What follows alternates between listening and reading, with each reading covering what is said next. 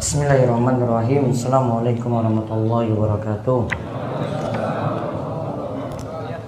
Alhamdulillahi rabbil alamin. Wassalatu wassalamu ala asyrafil anbiya wal mursalin. Nabiyyina Muhammad wa ala alihi wa man tabi'ahum bi ihsan ila yaumiddin. Allahumma inna nas'aluka ilman nafi'a wa rizqan thayyiba wa amalan mutaqabbala. Baik, sekarang sesi keberapa? 9. Kita buka bahasan ke-26. Fenomena syirik yang ada di sekitar kita. Mudah-mudahan ada di Indonesia juga ini. Biar pada tobat. Ayo dibaca. Oh, mic-nya. Lihat mic. Ya, diteruskan.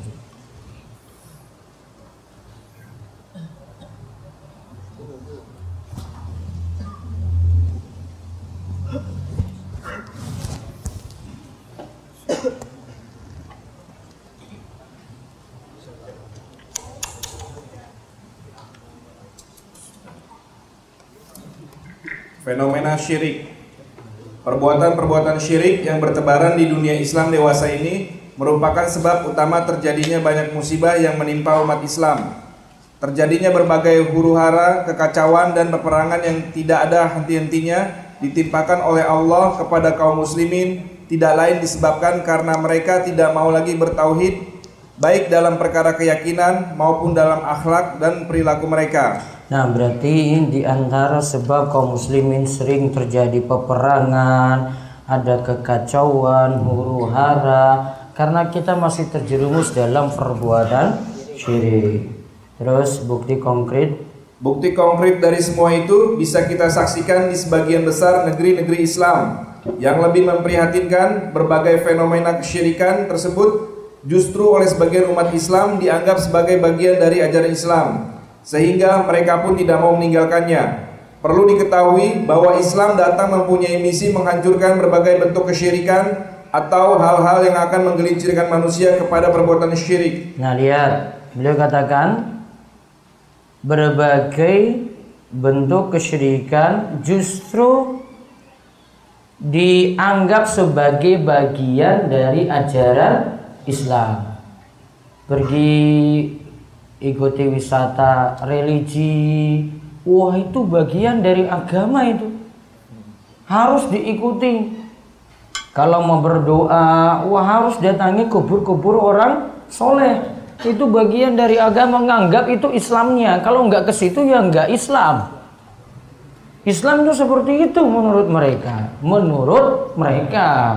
Terus di antara perbuatan-perbuatan syirik yang sering kita lihat adalah Nah, kita lihat nanti ada sembilan di sini. Satu. Satu, berdoa kepada selain Allah. Hal ini bisa kita dengar dari lagu dan nyanyian mereka yang sering diperdengarkan pada acara peringatan Maulid Nabi atau pada peringatan-peringatan bersejarah lainnya. Penulis pernah mendengar nyanyian mereka yang syairnya Wahai imam para rasul, wahai sandaranku, engkau adalah pintu Allah dan tempat aku bergantung di dunia dan di akhirat. Wahai Rasulullah, bimbinglah daku, tidak ada yang mampu merubah kesulitanku menjadi mudah kecuali engkau. Wahai mahkota yang telah hadir. Seandainya Rasulullah Shallallahu Alaihi Wasallam mendengar syair nyanyian di atas, niscaya beliau akan berlepas diri darinya. Karena sudah jelas tidak akan ada yang mampu merubah suatu kesulitan menjadi mudah kecuali Allah semata. Nah lihat isinya kalau dalam bahasa Arab tadi nasyid tadi ya imam rusul ya sanadi. Anta babullahi wa mu'tamadi. Wahai imam para rasul ya sanadi wahai sandaranku engkau adalah pintu Allah dan tempat aku bergantung. Berarti bergantung pasrahnya itu pada Rasul kalau dalam syair ini. Lalu wa fi ya wa akhirati engkau sandaranku untuk urusan dunia dan akhiratku. Untuk urusannya mudah berarti bersandar pada Rasul. Untuk urusan akhiratnya mudah juga bersandar pada Rasul. Ya Rasulullah khudh biyadi. Wahai Rasulullah bimbinglah aku.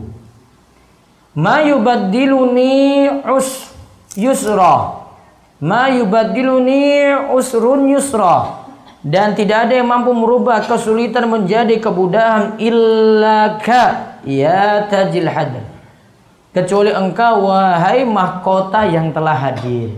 Berarti yang ngangkat kesulitan itu bukan Allah namun apa? Rasul. Makanya perlu hati-hati kalau ada pujian-pujian dalam bahasa Arab kita nggak tahu maknanya. Mendingan biasa-biasa saja pakai solawat dari solawat yang Nabi SAW ajarkan sudah cukup. Daripada buat-buat sendiri loh, salah malahan.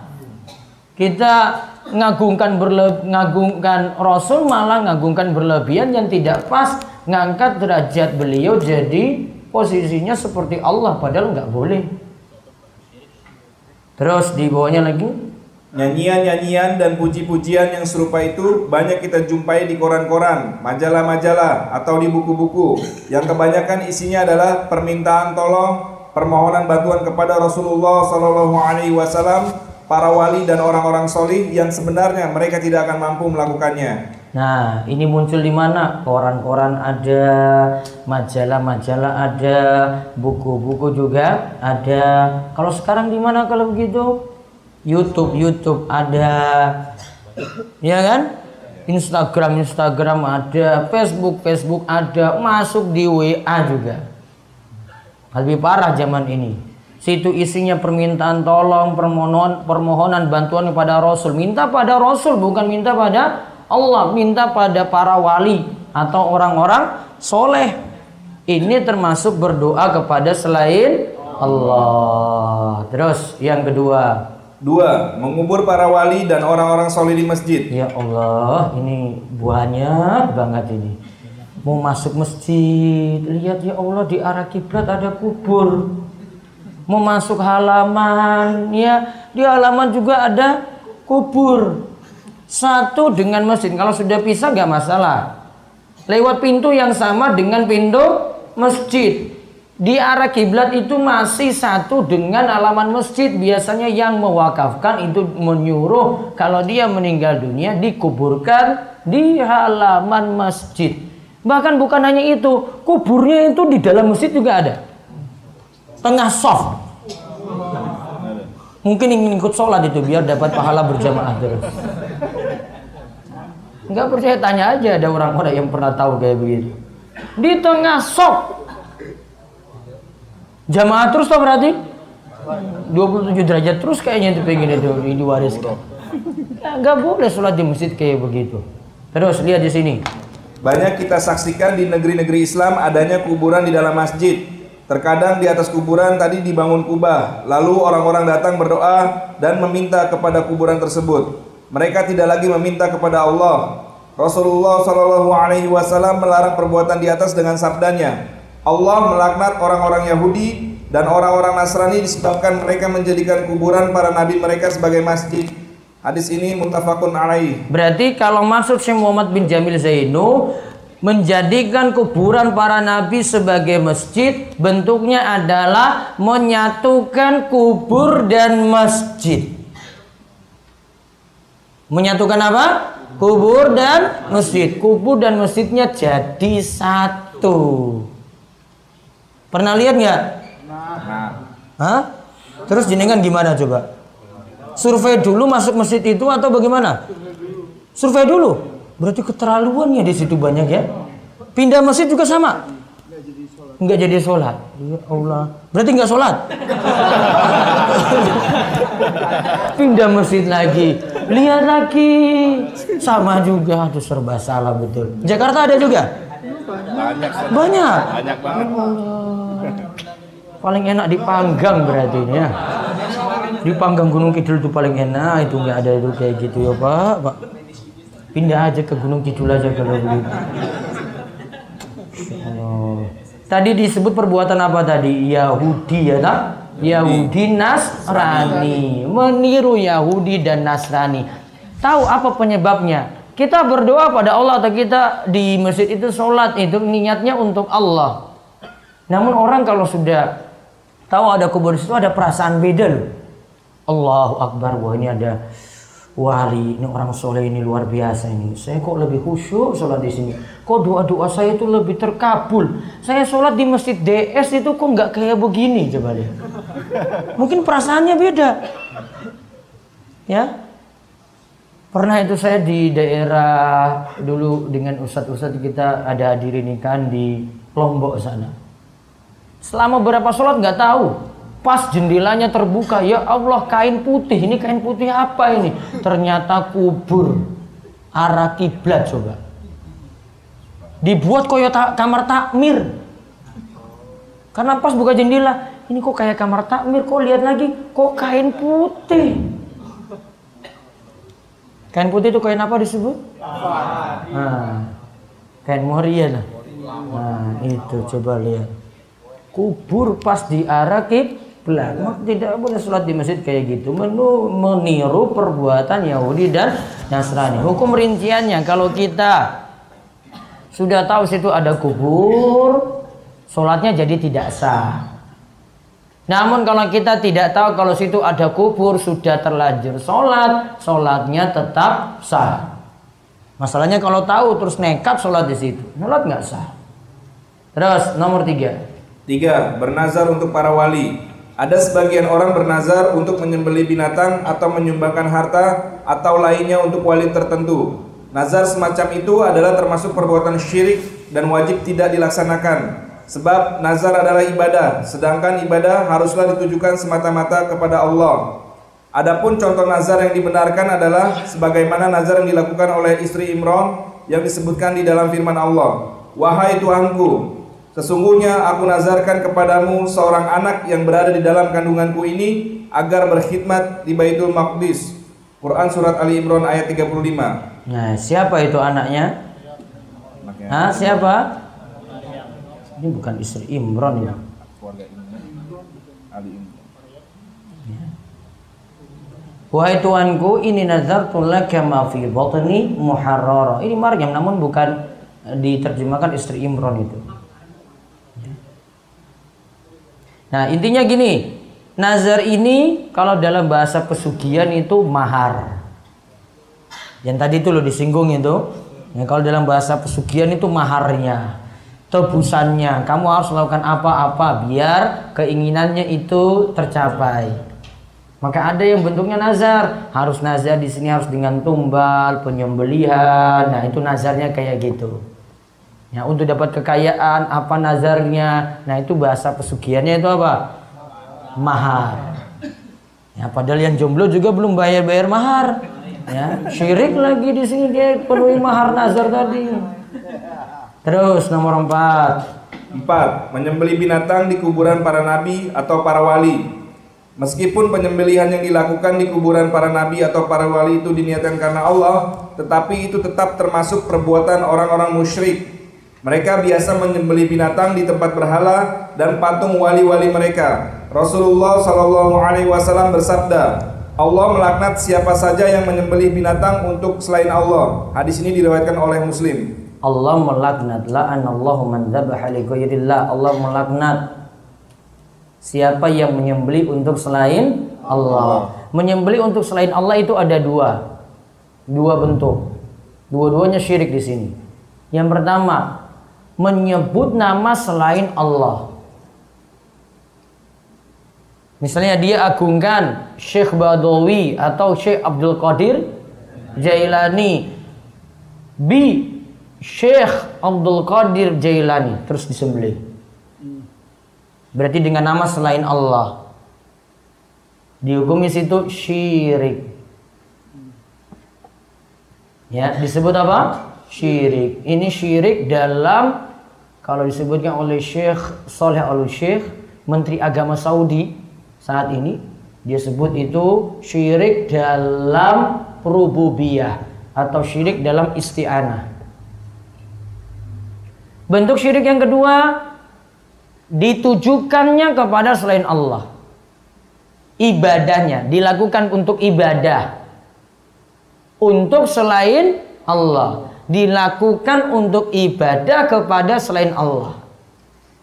Atau bahasanya takarrub kepada selain Allah, bentuk pendekatan kepada selain Allah. Ini juga masuk syirik, yaitu syirik dalam ibadah. Bisa jadi ini pakai bismillah. Namun untuk sajen, untuk selain Allah, untuk larung. Yang nyembelih siapa? Wah, Pak Haji. Baru pulang ini langsung. Wah, ini ada kena musibah ini. Untuk larung diundang Pak Haji datang. Bismillah. Orang masalah. Wis aku wis maca bismillah. Namun untuk larung untuk laut selatan. Syirik nggak? Syirik. Syirik dalam ibadah. Walaupun pakai apa? Bismillah. Mungkin nggak? Oh, mungkin saja. Yang penting kan sudah haji. Haji namun musyrik. Ada nggak haji musyrik? Ya bisa saja. Kan nggak pandang. Saya sudah bilang kan orang syirik itu nggak mesti pandang dia itu rajin sholat atau tidak. Orang sampai haji pun itu juga bisa berbuat syirik. Orang berhaji itu bukan berarti suci semuanya. Wah nggak mungkin tuh Pak Haji buat syirik. Oh siapa bilang? Nggak ada standar kayak gitu. Dulu orang musyrik itu juga tawaf loh keliling Ka'bah. Lebih daripada Pak Haji mungkin itu ibadahnya. Sering tawaf keliling Ka'bah. Namun situ ada berhala. Setiap kali muter lihat berhala itu disentuh. Usap, jalan lagi. Keliling Ka'bah. Tawaf pernah nggak? Oh, belum pernah. Kalah dengan orang musyrik itu. Musyrik keliling Ka'bah, tawaf coba. Namun setiap keliling Ka'bah dia sentuh berhalanya, diusap lagi keliling lagi muter. Rasulullah SAW pernah bareng dengan sahabat ini, Rasul nggak mau nyentuh. Seumur hidup beliau tidak pernah sama sekali nyentuh patung berhala. Dijaga kesucian beliau itu oleh Allah. Seumur hidup beliau, beliau belum pernah menyentuh saja, bukan nyembah loh, nyentuh saja nggak pernah. Luar biasa dijaga kesucian beliau itu. Orang musyrik itu kegiatannya kayak gitu. Haji luar biasa. Kalau ada yang berhaji, karena haji itu amalan sebelum Nabi SAW. Kalau ada yang berhaji, oh orang-orang musyrik Quraisy itu beri makan untuk orang-orang yang berhaji itu. Sudah dari dulu. Sudah bentuk berbuat baik seperti itu. Nggak pandang makanya kalau berbuat syirik. Berarti di sini ini sembelihannya tadi ada dua kemungkinan ya sembelihan pada selain Allah berarti bisa jadi baca nama selain Allah. Bi apa tadi kan? Syekh Abdul Qadir Jailani disembelih. Bisa lagi yang kedua apa? Ditujukan untuk ibadah kepada selain Allah. Nah sekarang balik pertanyaan. Bagaimana kalau ada tamu hadir terus tuan rumah nyembelih? Syirik atau tidak Enggak, karena itu bukan ibadah, namun untuk melayani ta tamu. Cukup dia baca bismillah. Enggak masuk karena bukan niatannya untuk ibadah. Sama juga ya, kalau mau nilai syiriknya, ini kalau mau nilai syiriknya atau bukan. Sama juga kalau ada yang meninggal dunia, kemudian itu biasanya disembelihkan kambing misalnya. Itu juga tidak masuk dalam kategori syirik. Karena bukan ditujukan kepada makhluk-makhluk goib di sini bukan bukan ibadah namun cuma untuk menyembeli. Bukan tujuan untuk ibadah. Kalau tujuan untuk ibadah kayak tadi ya dia sajikan ini untuk ibadah kepada penguasa laut misalnya.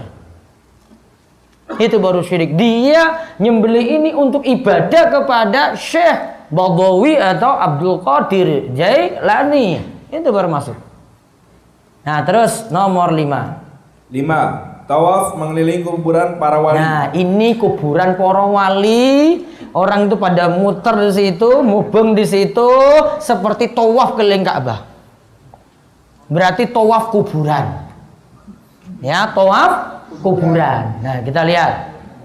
Tawaf mengelilingi kuburan. Misalnya kuburan Syekh Abdul Qadir Al-Jailani, Syekh Rifai, Syekh Badawi, Syekh Al-Husain dan lainnya adalah termasuk perbuatan syirik sebab tawaf adalah ibadah sehingga tawaf tidak perlu dilakukan tidak boleh dilakukan kecuali tawaf mengelilingi Ka'bah. Allah berfirman, dan hendaklah mereka melakukan tawaf mengelilingi rumah yang tua itu atau Ka'bah. Quran surat Al-Hajj ayat 29. Wal yatawafu bil baitil atiq. Hendaklah tawaf keliling Ka'bah. Yang dimaksudkan tawaf ifadah, tawaf rukun dalam ibadah haji. Itu hanya boleh untuk Ka'bah saja, nggak boleh untuk kuburan. Ya, karena ada yang bentuknya itu keliling kuburan ini. Pernah lihat nggak? Nggak usah, nggak usah lihat. Nanti jenengan malah muter lagi mubeng kuburan.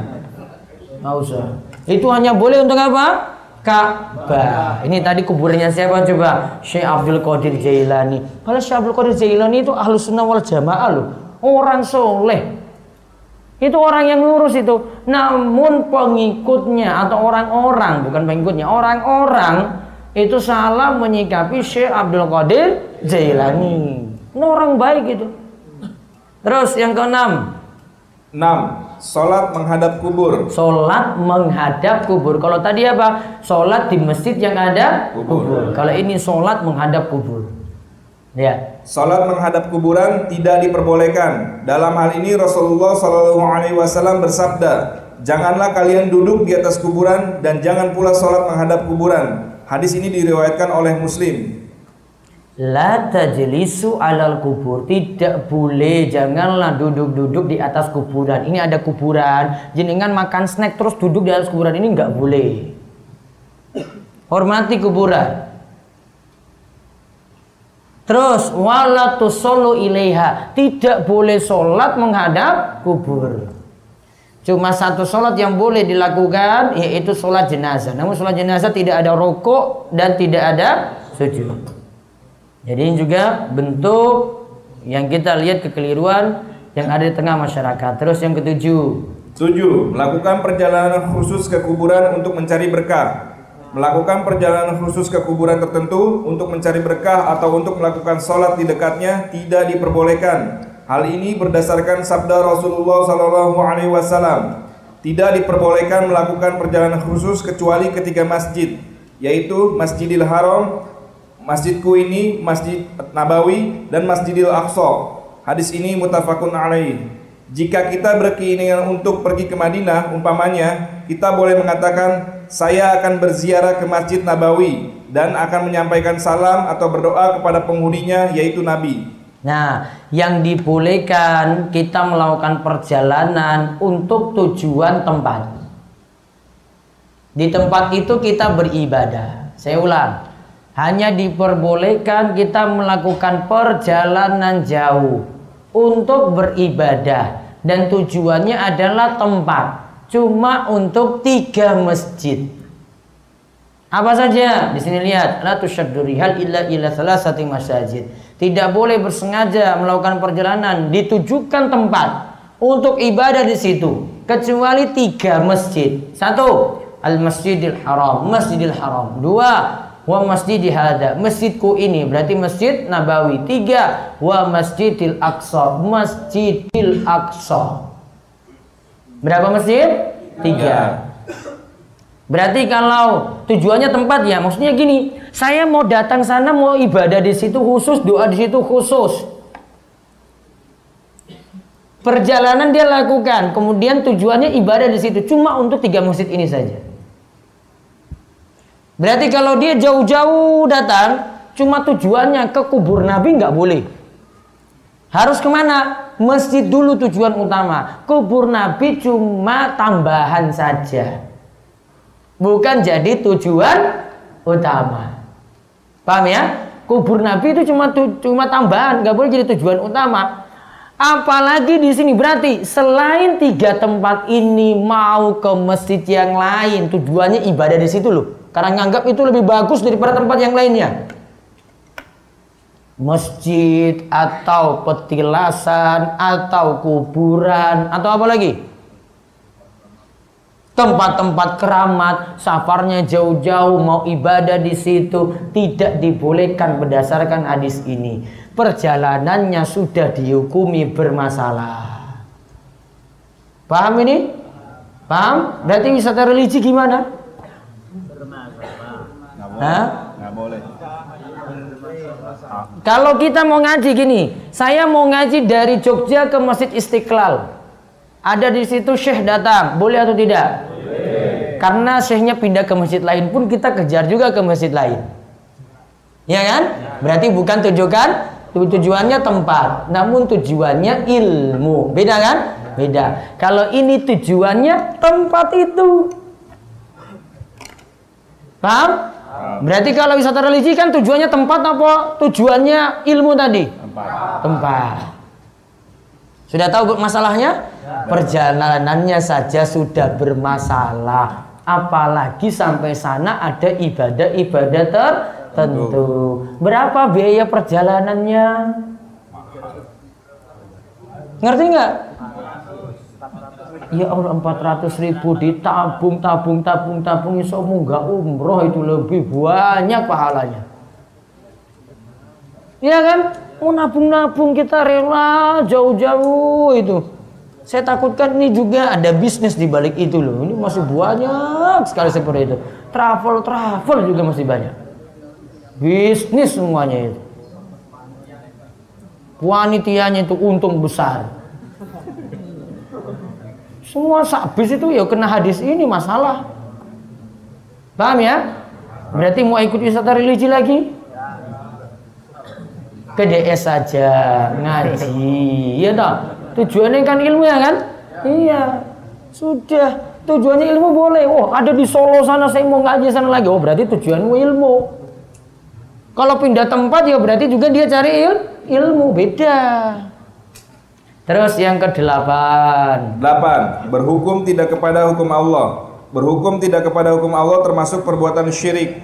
Sehingga dikatakan telah berbuat syirik orang-orang yang menentukan hukum perundang-undangan yang bertentangan dengan Al-Quran dan hadis sohi dan meyakini kebolehannya mengamalkan hukum buatan manusia. Dan termasuk juga di dalamnya fatwa-fatwa syekh yang bertentangan dengan nas-nas Al-Quran seperti fatwa tentang halalnya riba. Padahal Allah telah mempermalukan perang terhadap para pelaku riba. Berarti ini sama seperti yang kita bahas kemarin. Berhukum tidak kepada hukum Allah. Kalau dia nganggap hukum selain ya selain hukum Allah lebih afdol, lebih utama, kafir dia. Namun kemarin kalau apa? Nggak bisa jalankan hukum Allah. Tahu hukum Allah itu lebih baik. Apa kemarin terjatuh dalam apa? Kufrun duna kufrin. Alias apa? Kufur kecil. Kufrun duna kufrin. Nah, terus nomor 9. 9. Taat kepada ketetapan para penguasa, ulama atau syekh yang bertentangan dengan nas-nas Al-Quran dan hadis sohi. Termasuk perbuatan syirik, seseorang yang menaati ketetapan atau aturan yang dibuat oleh penguasa, ulama atau syekh yang bertentangan dengan Al-Quran dan hadis Nabi Shallallahu Alaihi Wasallam. Perbuatan syirik ini dinamakan syirkut to'ah, syirik ketaatan. Rasulullah Shallallahu Alaihi Wasallam bersabda, tidak boleh taat kepada aturan makhluk untuk melanggar aturan Al-Khaliq atau Allah. Hadis ini sahih diriwayatkan oleh Ahmad. Allah juga berfirman, mereka menjadikan orang-orang alim dan rohib-rahib mereka sebagai Tuhan-Tuhan selain Allah dan juga mempertuhankan Al-Masih atau Isa ibnu Maryam. Padahal sebenarnya mereka itu hanyalah diperintah mempertuhankan Allah yang Maha Tunggal karena memang tidak ada Tuhan yang berhak disembah selain Dia. Maha suci Allah dari segala apa yang mereka persekutukan itu. Quran surat At-Taubah ayat 31. Pengertian ibadah pada ayat di atas menurut penafsiran Hudzaifah adalah taat secara taklid buta terhadap segala keputusan halal atau haram yang ditetapkan oleh ulama Yahudi kepada kaumnya. Nah, yang kesembilan taat pada ulama dalam menghalalkan atau mengharamkan. Padahal itu bertentangan dengan Al-Quran dan hadis. Al-Quran hadis katakan haram, namun karena ulama ini wah saya mau manut saja, mau taat saja pada ulama ini. Namanya syirik dalam ketaatan. Syirkut ta'ah. Ingat ya? Dia sudah tahu kan kemarin kita sudah sebut ada dua syarat ya. Sudah tahu itu haram. Namun ikuti ulamanya, bukan ikuti dah dalil. Padahal tadi Nabi SAW katakan la ta'ata li makhlukin fi ma'siyatil khaliq. Tidak boleh taat kepada aturan makhluk untuk melanggar aturan al-khaliq, untuk melanggar aturan Allah enggak boleh. Juga dalam surat At-Taubah ayat 31, ittakhadhu ahbarahum wa ruhbanahum arbaba min dunillah. Wal Masih ibn Maryam wa ma umiru illa liya'budu ilahan wahida. Di sini kan diperintahkan untuk menyembah Allah saja. Namun mereka mau taklid tadi, perkataan Huzaifah. Mau taklid secara buta, ngikut-ngikut secara buta kepada para ulama. Oh, pokoknya saya manut saja sama ulama ini, kiai ini, ustadz ini. Mau benar salah kayak pokoknya saya manut saja. Hati-hati masuk dalam syirik taat. Syirik ketaatan ketaatan. Jadi kalau ada pertanyaan syirik ketaatan itu apa? Syirik yang bentuknya taat kepada ulama saat menyelisih apa? Dalil. Sembilan hal ini mana yang kita temukan di negeri kita? Oh ya wes berarti. Tak kira cuma satu dua. Berarti masalah besar ya negeri ini ya. Terus ya. mau gimana? Mau pindah saja dari Indonesia? Atau mau berdakwah di sini di Indonesia? Berdakwah. berarti tambah ilmu terus ngaji terus. Sambil nunggu adzan asar kita jawab pertanyaan dulu. Tadi sudah sesi keberapa? Sembilan. Baik. Apa keutamaan menuntut ilmu syar'i? Baca di buku saya Mahasantri. Wes. Itu sudah banyak sekali keterangannya Apakah ada keterangan Rasulullah mengingkari berhala-berhala ketika belum diangkat jadi nabi dan rasul? Beliau sudah mengingkarinya dengan bentuk tidak menyentuhnya. Bisa nanti baca kisah kisah ini di pelajaran Sirah Nabawiyah di ilmuisa.com ada situ kisah-kisah Nabi SAW tidak mau menyentuh berhala. Nanti lihat di pembahasan saya kejadian-kejadian sebelum Nabi diangkat menjadi seorang Nabi. Sebelum Nabi Muhammad SAW diangkat menjadi seorang Nabi. Bagaimana adab ziarah kubur sesuai sunnah? Pertama, kuburan uh, kubur ditujukan ketika kita ziarah untuk satu, ingat mati. Dua, untuk apa? Mendoakan orang yang telah meninggal dunia. Jadi kalau tujuannya ini, insya Allah ada adabnya dia akan penuhi dengan baik. Apa hukum baca doa naik kendaraan? Hukumnya sunnah, tidak wajib, namun sebaiknya dibaca biar Allah terus beri keselamatan. Berkaitan dengan syirik hakimiyah, bolehkah bekerja di bidang hukum? Tidak disandarkan pada hukum-hukum Allah di situ. Apakah ia pelakunya telah terjatuh dalam kufur asgar? Tidak semua yang ada dalam masalah berhukum di sini jadi orang itu kafir tidak. Ya. Jadi saya rinci tadi seperti tadi, selama kita tidak meyakini kalau itu hukum selain Allah itu lebih afdal dari hukum Allah, ya enggak masalah. Maka dilihat nih selama bila kebenaran tidak menyelisih hukum Allah masih boleh. Ustadz buku apa terbaik, terseru, tertarik yang pernah antum baca? Buku apa yang yang direkomendasikan? Itu di atas di perpus tuh banyak sekali buku-buku yang direkomendasikan. Baca semuanya.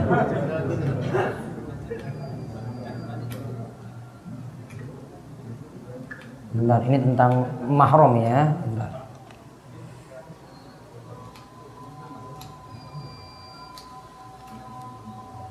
Danya sini apa kitab yang paling senang dibaca? Ya di perpustakaan saya itu banyak buku. Senang dibaca semuanya. Ustaz apa benar ada larangan mengusap dan mencium kubur? Ada.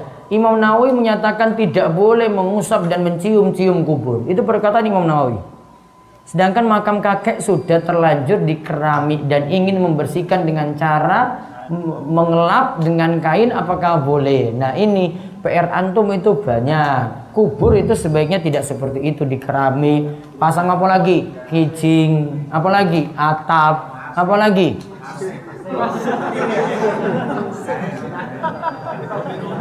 Harus tahu-tahu tentang aturan kubur dan bahkan ini sudah sebenarnya jadi aturan dalam mazhab syafi'i. Ada kelompok tertentu mempunyai gerakan sholat subuh berjamaah bersama-sama dengan menentukan lokasi masjid berpindah-pindah pada setiap hari Sabtu ini nggak masalah. Tujuannya bukan tempat ibadah di situ namun dia dapatkan ingin dapatkan sholat subuh nggak masalah. Berapa maksimal jarak kita dengan sutra ustad jaraknya tiga hasta. Satu dua tiga ini. Jadi lebih dekat lebih bagus. Kan itu hadisnya tidak boleh taat kepada aturan makhluk untuk melanggar aturan al-khaliq.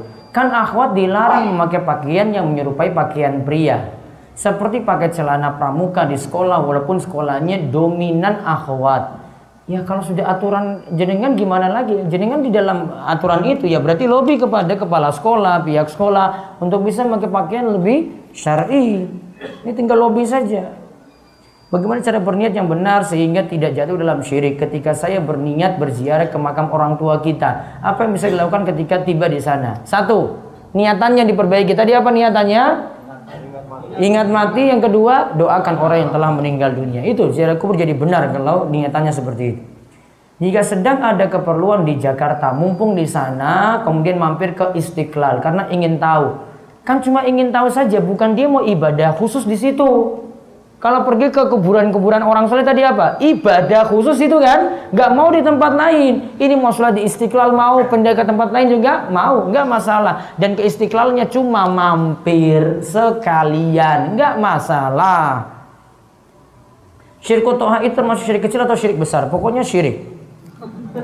Ya, paling tinggi ya syirik besar di situ.